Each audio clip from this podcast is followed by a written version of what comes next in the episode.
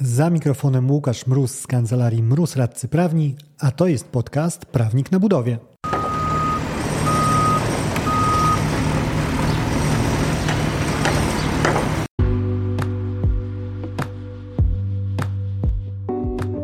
Z tej strony mikrofonu Łukasz Mróz, aka Prawnik na budowie.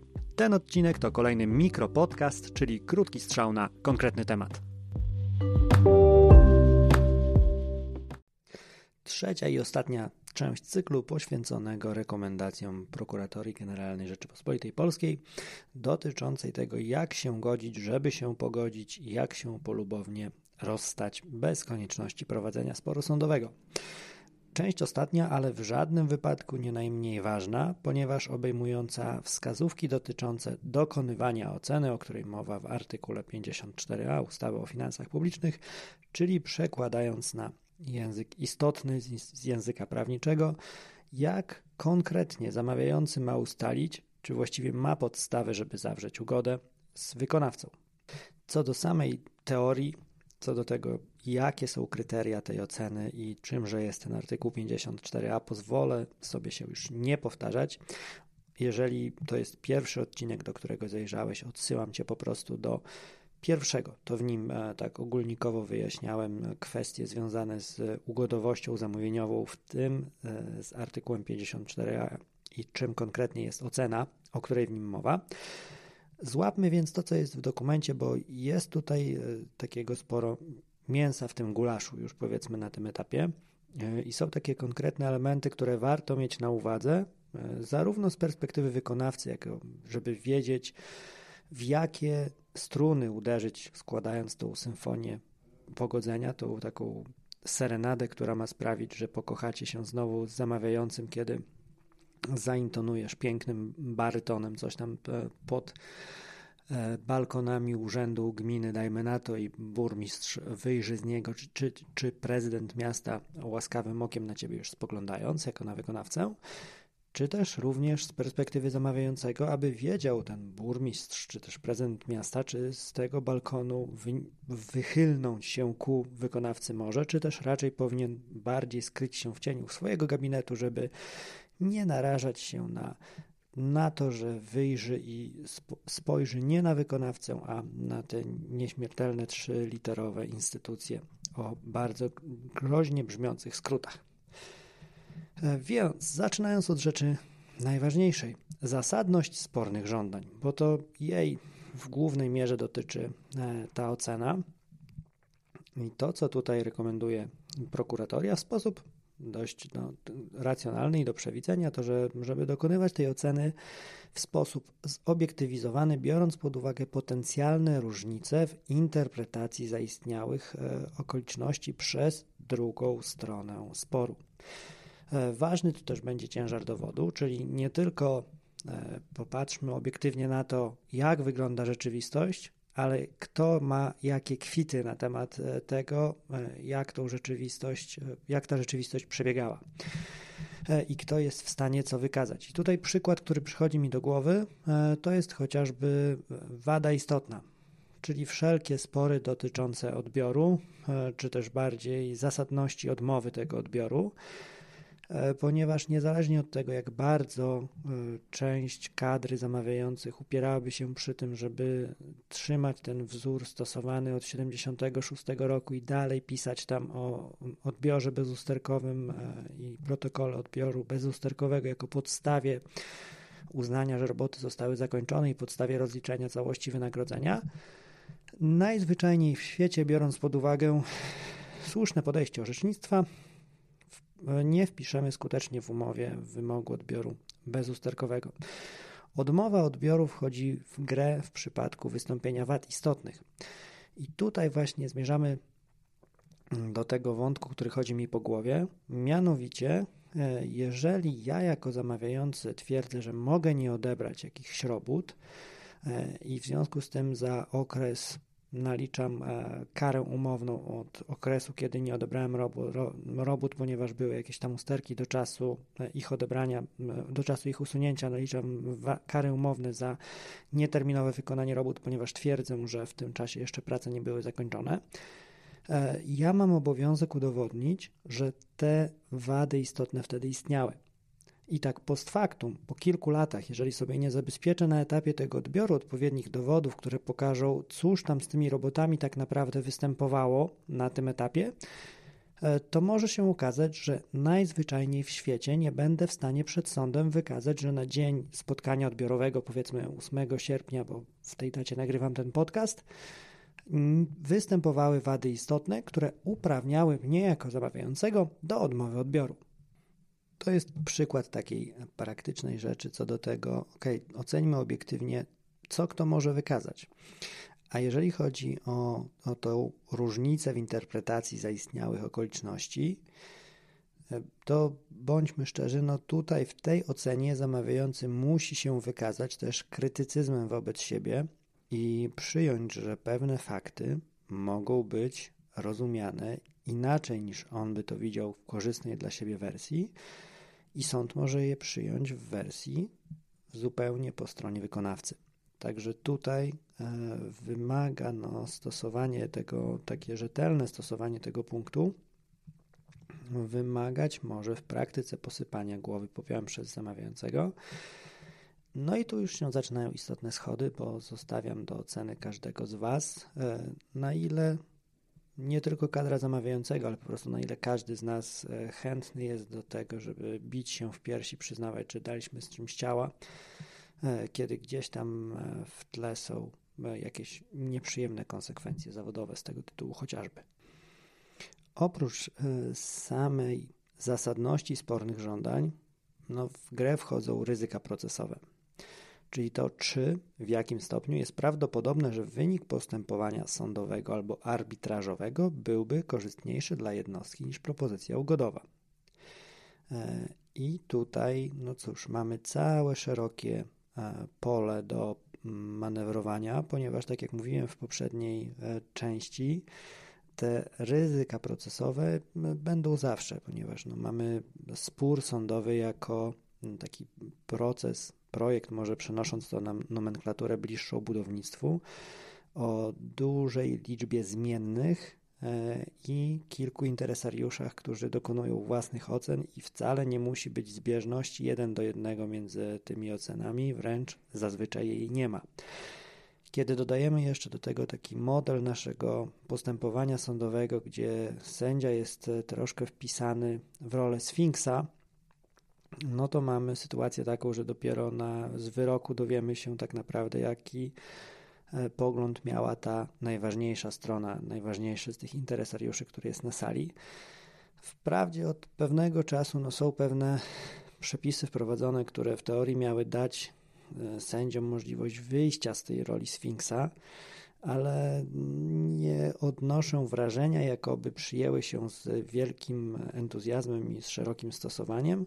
I też tutaj, y, uderzając się w pierś pod kątem naszego zawodu, zawodu, który sam wykonuję, y, też sądzę, że część y, odpowiedzialności za ten stan leży też po naszej stronie, bo zakładam i tak jak mnie się to nie zdarzyło, ale rozmawiając o takich sytuacjach ze znajomymi, zdarzało mi się słyszeć od nich właśnie, że dla nich to jest e, zupełnie. Oczywiście, jeżeli są na, po złej stronie takiej wstępnej oceny sędziego, który skorzysta z możliwości wyrażenia takiej wstępnej oceny, to jest to absolutnie skandaliczna sytuacja, że sędzia mówi, e, jaki będzie, jakie będzie rozstrzygnięcie, bo nagle okazuje się, że druga strona staje się bardziej harda, a ja stoję na miękkich nogach.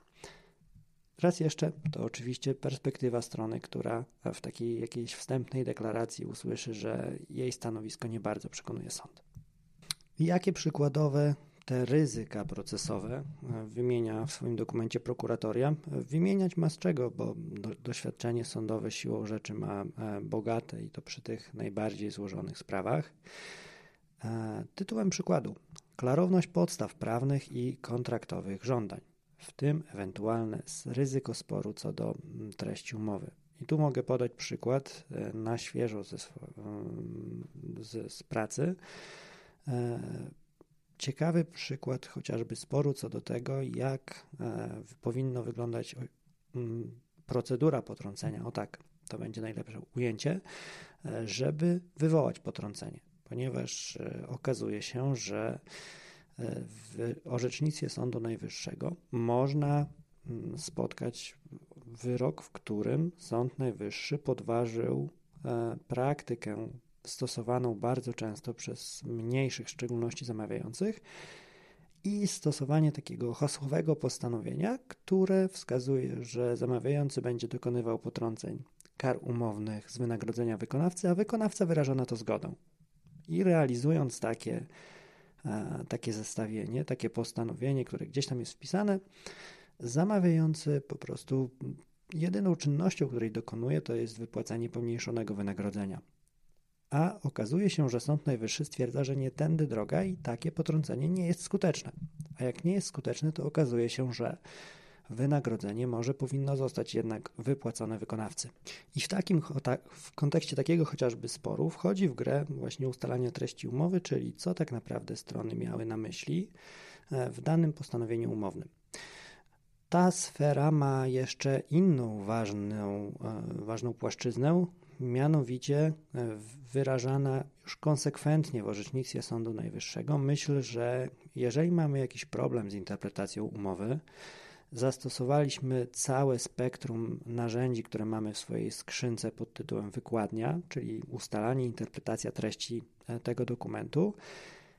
I mimo to nie jesteśmy w stanie powiedzieć, co poeta miał na myśli, to treść ustalamy na niekorzyść strony, która to napisała. I tu w przypadku kontekstu zamówień publicznych oczywiście zawsze tą stroną będzie zamawiający. Więc ta linia orzecznicza będzie na pewno e, ważyła swoje w kontekście e, tego elementu układanki, oceny tej zasadności roszczeń i oceny prawdopodobnego wyniku sporu e, i powinien mieć ją zamawiający z tyłu głowy, a wykonawca nawet z początku głowy albo i z początku języka. Inny element to rozbieżności orzecznicze. I tutaj, e, jako przykłady, które sobie odnotowałem, to jest chociażby wymóg wskazania terminu na odstąpienie w klauzuli odstąpienia umownego, czyli powszechnie stosowana praktyka, gdzie mamy taką e, wyliczankę albo przy dłużej napisanych umowach wręcz litanii podstaw, w których w przypadku wystąpienia zamawiający może zerwać współpracę. I różnie oceniają sądy to, kiedy taka klauzula odstąpieniowa musi zawierać ostateczny termin na odstąpienie i jak właściwie powinien być napisany ten termin, aby był skuteczny z punktu widzenia prawnego. I tutaj, nie wgłębiając się w szczegóły, wskażę tylko, że te nieśmiertelne może odstąpić w terminie 30 dni od wystąpienia podstaw do odstąpienia, często jest kwestionowane przez sądy. A jeżeli trafimy na sędziego, który jest zwolennikiem tej e, opcji, że nie jest to te 30 dni i tak dalej, i tak dalej, to nie jest właściwa redakcja, okazuje się, że cała klauzula odstąpieniowa jest nieważna.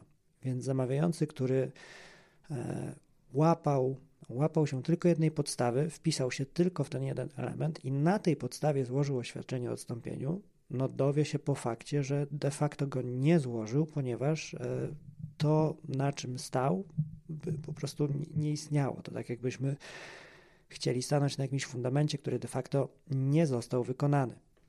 Inny taki przykład, który by się tutaj dobrze wpisywał, to jest e, chociażby limit kar umownych, który w nowym PZP już gości na stałe, e, ale w poprzedniej ustawie nie był wprost wyrażony, przynajmniej w prawie zamówień publicznych i nie było wcale powszechną praktyką limitowanie kar umownych za nieterminową, nieterminową realizację umowy chociażby.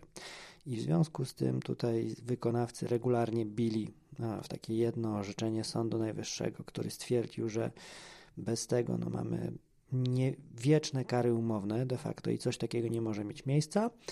E, I chociażby w orzecznictwie sądów okręgowych E, dobrze przyjął się ten pogląd i w Łodzi czy w Poznaniu e, sądy dość regularnie odnosiły się do tego orzeczenia, stwierdzając właśnie, że postanowienie dotyczące kar było nieważne, w związku z tym same kary nie mogły być naliczone i w związku z tym nie było czego potrącać, proszę zapłacić wynagrodzenie wykonawcy. No i w związku z tym pozostaje kolejny punkt e, ryzyko podważenia ważności lub skuteczności umowy lub innych istotnych dla sprawy czynności prawnych, przykład odstąpienie od umowy czy potrącenie. w tym ocena prawidłowości reprezentacji stron, zachowania wymaganej formy, trybu lub terminu e, dokonania czynności. No i tutaj chociażby właśnie te kwestie odstąpieniowe, e, o których mówiłem, o, o potrąceniu zresztą też już wspominałem.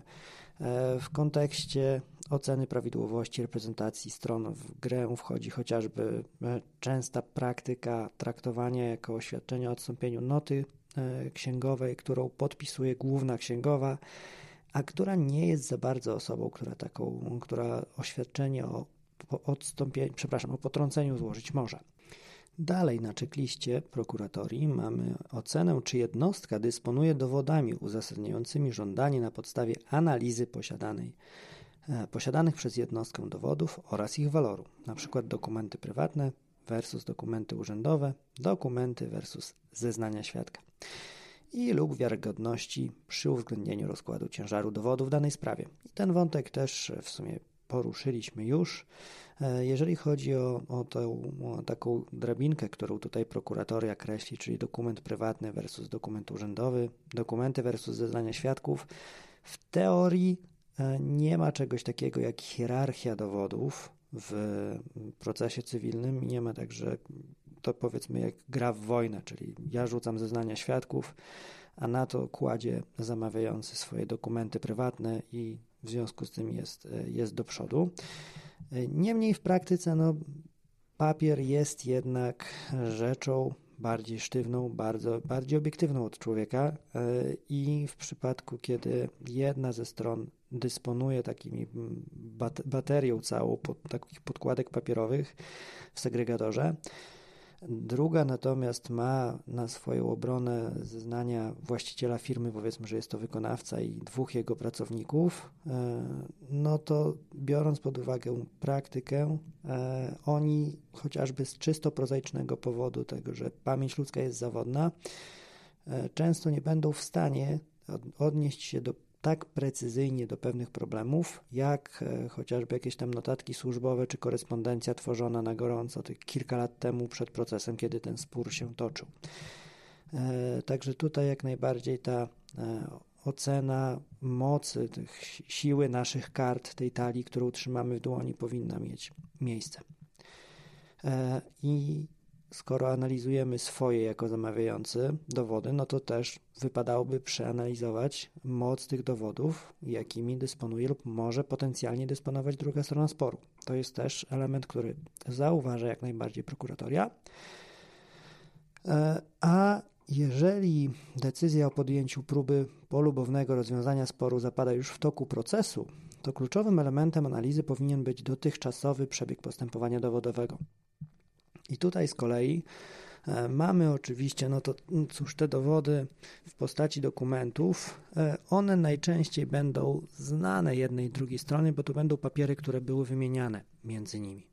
Również to, co mają do powiedzenia świadkowie jednej i drugiej strony, nie będzie tajemnicą zazwyczaj dla przeciwnika, no bo będą wskazywali zazwyczaj okoliczności tak, jak e, układają się one z perspektywy jednej bądź drugiej strony, w zależności od tego, po, po której stronie stają.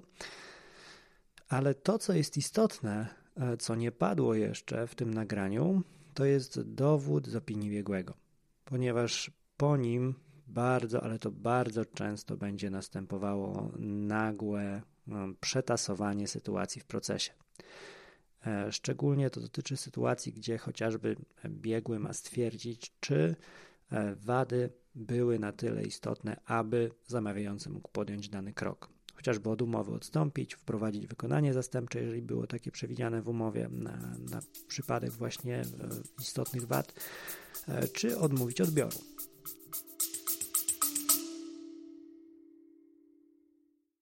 Jeżeli podoba Ci się odcinek, którego słuchasz, mam ogromną prośbę. Wspomnij komuś z branży budowlanej o tym podcaście. Razem dotrzemy do większej liczby osób z branży. Z góry dzięki. Strony w procesie sądowym e, czasem zrzymają się, że cóż, przyszliśmy po orzeczenie do sądu, a otrzymujemy je od biegłego, bo co biegły napisze, to sąd klepnie. Jest to no, zbyt daleko idące uproszczenie, ale nie można jednak zaprzeczyć, że biegły ma e, duży wpływ na, na finalne rozstrzygnięcie. Z uwagi na to, że sędzia najzwyczajniej w świecie nie ma, bo i bezsensowne było wymaganie od niego, żeby miał podstawy wiedzy specjalistycznej, żeby rozstrzygać kwestie techniczne. Od tego ma właśnie biegłego. I już kiedy dostanie to rozstrzygnięcie kwestii technicznej, no to cóż, wtedy wplata to już we właściwe tryby prawne i jakby do swojego e, równania, które ułożył, które ma go doprowadzić po znaku równości, ma, równa się wyrok, e, wprowadził właśnie tam dane dotyczące oceny biegłego, tego, czy chociażby coś było zrobione dobrze, czy też nie było zrobione dobrze, albo czy wykonawca był wstrzymywany ze swoimi robotami przez uchybienie zamawiającego, czy też nie był. I także tutaj no, e, kluczowe znaczenie ma ten dowód i dlatego też kluczowa będzie jego ocena po, często w procesie i nie będę też ukrywał, że e, wcale nierzadką sytuacją jest, kiedy takie rozmowy e, polubowne co do zakończenia sporu nabiegają, nabierają takiego nowego tempa i nowej intencji po tym, jak strony zapoznają się z opinią biegłego. E, kolejny element, bardzo istotny, tutaj nawet podkreślę dwa razy, bardzo istotny, także słuchamy tego e, fragmentu nagrania, ewentualnie nawet sobie je włączamy raz jeszcze z odtworzenia. Tym elementem jest ryzyko lub możliwość skutecznego skorzystania przez jedną ze stron z zarzutów procesowych lub innych uprawnień. I tutaj jako przykłady prokuratoria wymienia zarzut przedawnienia, upływu terminu zawitego, żądanie obniżenia kary umownej. I e, mamy dwa mega istotne wątki. E, pierwszy to zarzut przedawnienia albo upływu terminu zawitego. E, najczęściej to będą e, sfery interesujące e, zamawiającego, bo to raczej on będzie e, bronił się zarzutem przedawnienia w procesie o zapłatę, albo też upływu terminu zawitego. I tutaj ten wątek znany być może praktykom filikowym. Filik zawiera takie rozwiązanie, które nakazuje nam zgłaszać roszczenia w określonym terminie pod rygorem tego, że je utracimy jako wykonawca. I e, to rozwiązanie jest stosowane też w niefilikowych kontraktach i należy na nie z perspektywy wykonawcy bardzo uważać, bo jeżeli mamy mm, klauzule brzmiące w stylu, że musisz zgłosić chociażby roszczenie z tytułu robót dodatkowych przed ich wykonaniem, przed przystąpieniem do ich wykonywania pod rygorem e, braku możliwości domagania się wynagrodzenia, bądź też musisz zgłosić przeszkody w wykonywaniu robót pod rygorem utraty możliwości przedłużenia e, terminu zakończenia robót e, w terminie X, to w takich przypadkach należy tego pilnować no, bezwzględnie. Można z tym oczywiście później walczyć, przynajmniej w częściowym zakresie, z większą skutecznością, jeżeli postanowienia umowne są niedopracowane, albo z mniejszą, jeżeli są dobrze dopracowane. E, ale lepiej, lepiej się z tym nie męczyć. E, natomiast żądanie obniżenia kary umownej to sfera z kolei, która no bardziej to jest już e, karta w talii wykonawcy i to jest rzecz, która bardzo się cieszę, że tutaj padła. Ponieważ już kilka, kilkukrotnie w tym podcaście przywoływałem historię mm, zamawiającego i wykonawcy, którzy dogadali się w formie ugody sądowej zawartej na, na posiedzeniu pojednawczym co do obniżenia kar, ponieważ e, zamawiający wykonawcy kary za nieterminowe wykonanie umowy naliczył, ale obie strony doszły do wniosku, że pomimo tego, że ta kwota jest zgodna z algorytmem, który jest zawarty w umowie, czyli stawka razy dni nieterminowości, razy stawka razy wynagrodzenie, razy dni nieterminowości, to biorąc pod uwagę wszystkie okoliczności sprawy, jakby to stanęło na wokandzie sądowej, to sąd zmiarkowałby tą karę, po prostu by ją obniżył, bo jest nieadekwatna do tego stopnia naruszenia, którego dopuścił się wykonawca. I żeby nie prowadzić bezsensownego sporu, strony właśnie skierowały wniosek o zawezwanie do próby ugodowej, i tam ustaliły, że wykonawca zapłaci zamawiającemu 25% e, tych kar wszystkich, czyli 3, 3 czwarte poszły w niepamięć. I skończyło się to dla zamawiającego olbrzymim problemem, ponieważ dostał dużą korektę, która została później utrzymana przez organ drugiego stopnia, a później także została utrzymana przez Wojewódzki Sąd Administracyjny w Warszawie. I dopiero interwencja Naczelnego Sądu Administracyjnego w końcówce maja tego roku e, doprowadziła do tego, że no sąd, e, Najwyższy Sąd Administracyjny uchylił zarówno wyrok, jak i tę zaskarżoną decyzję, która e, chłostała zamawiającego korektą.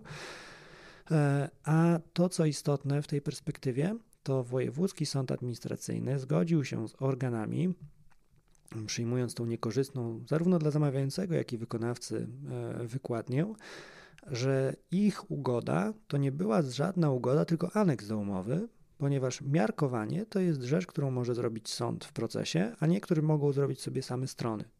E, więc to nie było żadne dopuszczalne rozwiązanie, ale złamaliście wręcz bądź obeszliście prawo i w związku z tym to trzeba traktować tak, jakbyście zmienili sobie dobrowolnie umowę w zakresie kar umownych, wprowadzając tam jakby postanowienie, że można je odpuścić. Tutaj stanowisko prokuratorii w tym dokumencie jest konsekwentne z tym, które prokuratoria zajęła właśnie w tej sprawie sądowej e, zakończonej wyrokiem NSA, o której mówiłem.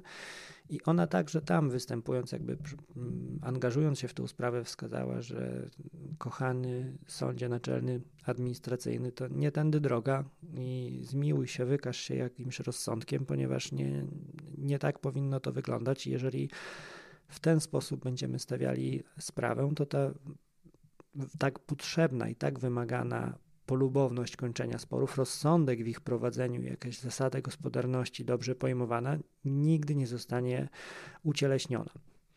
Także e, plusem jest to, że tutaj też e, ponownie wybrzmiewa ten bardzo potrzebny argument o tym, że miarkowanie kary umownej też jak najbardziej powinno być brane pod uwagę. I to jest według mnie wartość jeszcze o tyle większa, e, że o ile sama kwestia braku podstaw do naliczenia kar umownych e, często jest tematem trudnym do przełknięcia dla zamawiającego, bo oznacza, że musi chociażby bardzo często uznać, że to on czegoś nie zrealizował właściwie i dlatego wykonawcy nie można obciążać e, kwestiami przekroczenia terminu. O tyle samo miarkowanie E, bardzo często można już wpisać w takie mocno pożądane okoliczności niezawinione przez żadną ze stron. Czyli można tutaj szukać mm, takiego pola, w którym zarówno wilk będzie miał pełny brzuch, jak i owcy e, jedna z nóg czy tam kawałek e, jakiegoś antrykotu nie ubędzie. Kolejna duża sfera. Możliwość zaspokojenia spornych żądań i sfera, co do której szczerze mówiąc mamy bardzo mocne mieszane uczucia, bardzo mocno mieszane uczucia, e, to co wskazuje prokuratoria. Ocena, czy istnieją uzasadnione obawy, że możliwość zaspokojenia żądania, w tym zwłaszcza kondycja finansowa dłużnika, ulegnie znacznemu przedłużeniu w razie przedłużenia się sporu. I tak, e, sam wątek możliwości zaspokojenia spornych żądań, ok, to jest element takiej racjonalnej oceny, ale według mnie on powinien być pięcioplanowy, a wręcz w napisach końcowych gdzieś tam po e, specjaliście od make-upu czy piątym asystencie młodszej specjalistki do spraw kostiumów. E, ponieważ jeżeli pójdziemy w kierunku zbyt szerokim tutaj, to mamy furtkę do hurtowego myślenia e, po stronie wykonawców. Dobra, musicie nam odpuścić gro kwoty, ponieważ e, ja jestem mały, nie mam potencjału do zapłaty.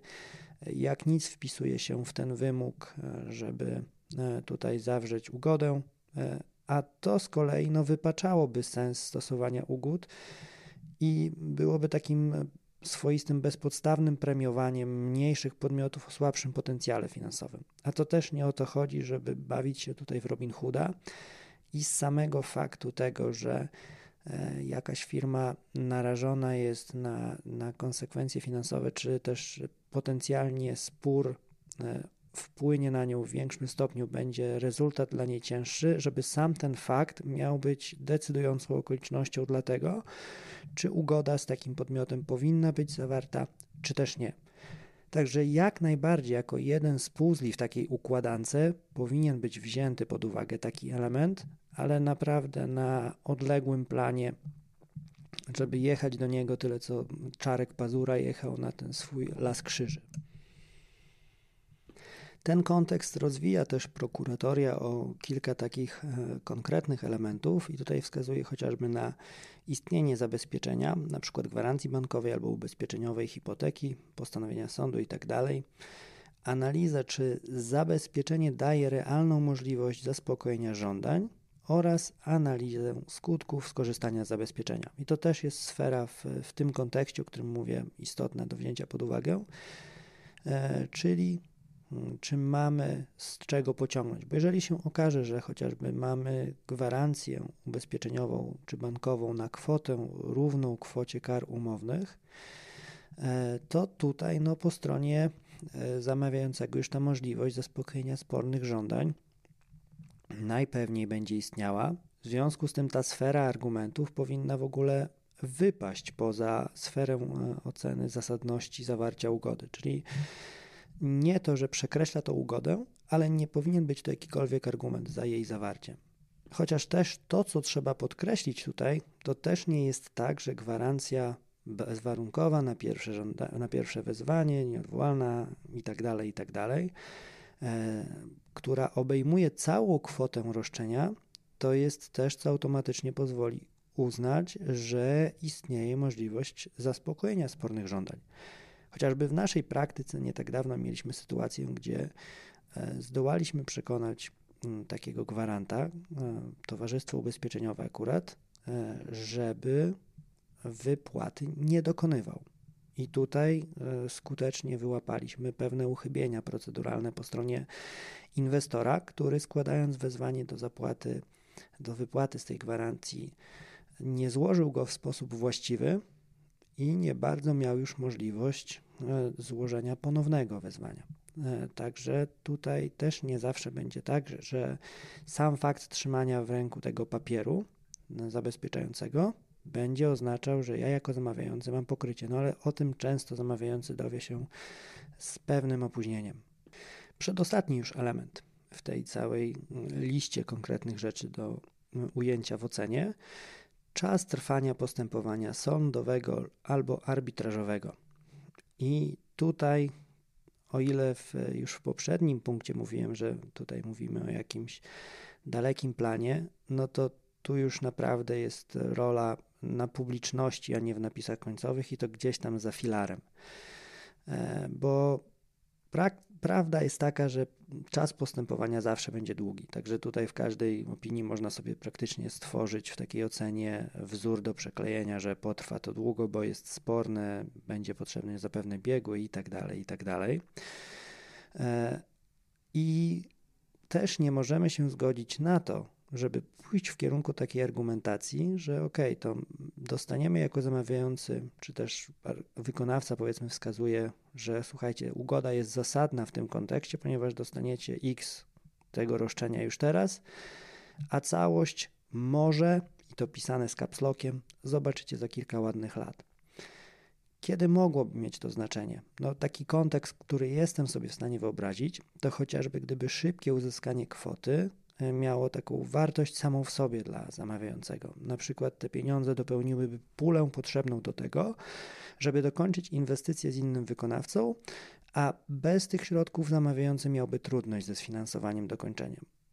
Ale no, nawet w takim naciąganym, przeteoretyzowanym e, przykładzie, e, to też nie mógłby być według mnie samodzielny taki decydujący argument. Czyli gdzieś tam do, wymień, do uwzględnienia w ocenie jak najbardziej przyda się, e, bo, bo takich argumentów nigdy za wiele, ale na pewno nie jest to rzecz o ogromnej wadze, która mocno przechylałaby tą szalę na stronę za ugodą. I docieramy do ostatniego już elementu oceny i też jednocześnie ostatniego elementu tego cyklu, cyklu trzech odcinków inne okoliczności. I to jest taka hasłowa pojemna i elastyczna kategoria, która jest bardzo potrzebna, bo pozwala wyłapać e, z kontekstu takie e, wątki, które niekoniecznie mogą wpisywać się w któryś z poprzednich punktów, e, bądź też możemy mieć problem z tym, gdzie tam konkretnie je złapać. Raz jeszcze, nie będą to największe kamienie na szali, ale mogą być to takie elementy, które grosz do grosza i dadzą, dadzą tą ugodową kokoszę. E, przepraszam za użycie tego sformułowania, ale jestem synem drobiarza, e, więc czuję się uprawniony do takich e, ptak, ptasznych, szczególnie właśnie drobiarskich porównań i odwołań. Cóż tam może być? Interes publiczny na przykład w szybkim zakończeniu realizacji umowy w celu udostępnienia usług użyteczności publicznej. No i tutaj na pewno jest to argument, który znowu do swojego wzoru może wkleić e, każde przedsiębiorstwo działające w zakresie budownictwa drogowego. Albo chociażby ktoś, kto buduje jakiś e, zakład związany, zakład, budynek, który ma służyć e, świadczeniu opieki zdrowotnej, jakąś przychodnię chociażby w gminie, która ma zapewnić stałą opiekę dla lokalnej społeczności. E, inny element możliwość objęcia ugodą i definitywnego rozstrzygnięcia dodatkowych kwestii spornych, ograniczenie potencjału przyszłych sporów. Na przykład mamy e, spór, który wytoczył e, wykonawca zamawiającemu, który dotyczy de facto kar umownych, czyli zapłaty wynagrodzenia potrąconego z karami umownymi. Ale gdzieś tam w tle nad zamawiającym wiszą też potencjalne roboty dodatkowe, więc tutaj no, mamy kwestię, e, która powiedzmy jeszcze nie stanęła w tym procesie, e, ale może się pojawić w odrębnym postępowaniu i zapewne się pojawi, bo wykonawca będzie chciał rozliczenia swoich prac. Więc tutaj może być takie, taki element przemawiający za tym, dobra, to złapmy to wszystko i widzę, że w karach umownych jako zamawiający to czuję się całkiem dobrze, no ale co do tych robót e, dodatkowych, to czuję się odwrotnie proporcjonalnie niezbyt dobrze. E, więc powiedzmy, że łapiąc jedno i drugie, jestem w stanie przystać na pewne ustępstwa, i są to ustępstwa uzasadnione całokształtem naszej współpracy.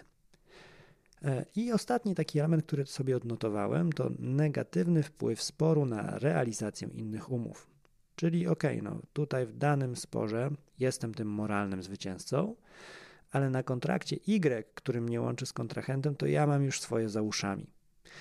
I tak jak tutaj pójdziemy na noże, to mogę być pewien, że na innej realizacji no, nie będzie za bardzo podstaw do tego, żeby darzyć mnie zbyt dużym sentymentem i wszystkie naboje, które znajdują się w magazynku wykonawcy, zostaną w moją stronę wystrzelone. Także jeżeli zepniemy sobie te dwa tematy, znowu mamy takie no, racjonalne gospodarskie działanie. I to tyle, jeżeli chodzi o to, co rekomenduje Prokuratoria Generalna Rzeczypospolitej Polskiej w dokumencie zatytułowanym Rekomendacje dotyczące postępowania w zakresie polubownego rozwiązywania sporów. Raz jeszcze, bez problemu znajdziesz ten dokument wpisując e, tą nazwę w Google i opatrując ją jeszcze dopiskiem Prokuratoria Generalna, czy też wchodząc po prostu na stronę prokuratorii. On jest tam pewnie już nie podwieszony na samej górze, ale do wyszukania e, bez problemu. Podsumowując te kilkadziesiąt długich minut e, trzech odcinków, sądzę, że dobrze, że pojawiają się takie publikacje, bo mimo, że e, uczestnicy rynku zamówień publicznych, szczególnie wykonawcy, często mówią o tym, jak bardzo pragną tych ugód, e, nie zawsze ci uczestnicy rynku wiedzą, jak w praktyce ten proces zawierania ugody powinien wyglądać i jakie warunki muszą być spełnione, żeby taka ugoda była najzwyczajniej w świecie w porządku. A mając tą wiedzę, drogi wykonawco, drogi zamawiający, wiecie, jakich argumentów szukać, czym się posiłkować, żeby pozwolić sobie na spokojne e, zakończenie sporu polubownie.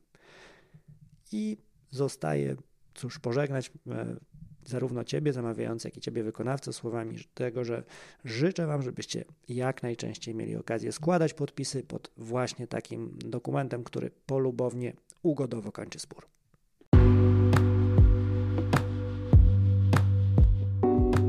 Dzięki za odsłuchanie tego odcinka. Zasubskrybuj podcast, żeby nie umknęło Ci jakiekolwiek kolejne nagranie. Znajdziesz go chociażby na Spotify, w Google Podcasts czy Apple Podcasts. Jeżeli chcesz natomiast skontaktować się ze mną, znajdziesz mnie chociażby na LinkedIn, wpisując w wyszukiwarce Łukasz Mróz, bądź też na Instagramie i Facebooku, gdzie dostępny jestem jako prawnik na budowie. W wersji bardziej klasycznej mailowo na mrozmałpa.kancelariamroz.pl. Do usłyszenia w kolejnym odcinku. Dzięki za odsłuchanie tego odcinka. Jeżeli chcesz się ze mną skontaktować, możesz napisać na biuro małpa kancelariamroz.pl albo zadzwonić na 577 665 077. Znajdziesz mnie też w mediach społecznościowych. Na LinkedIn jako Łukasz Mróz, a na TikToku, Facebooku i Instagramie jako Prawnik na Budowie.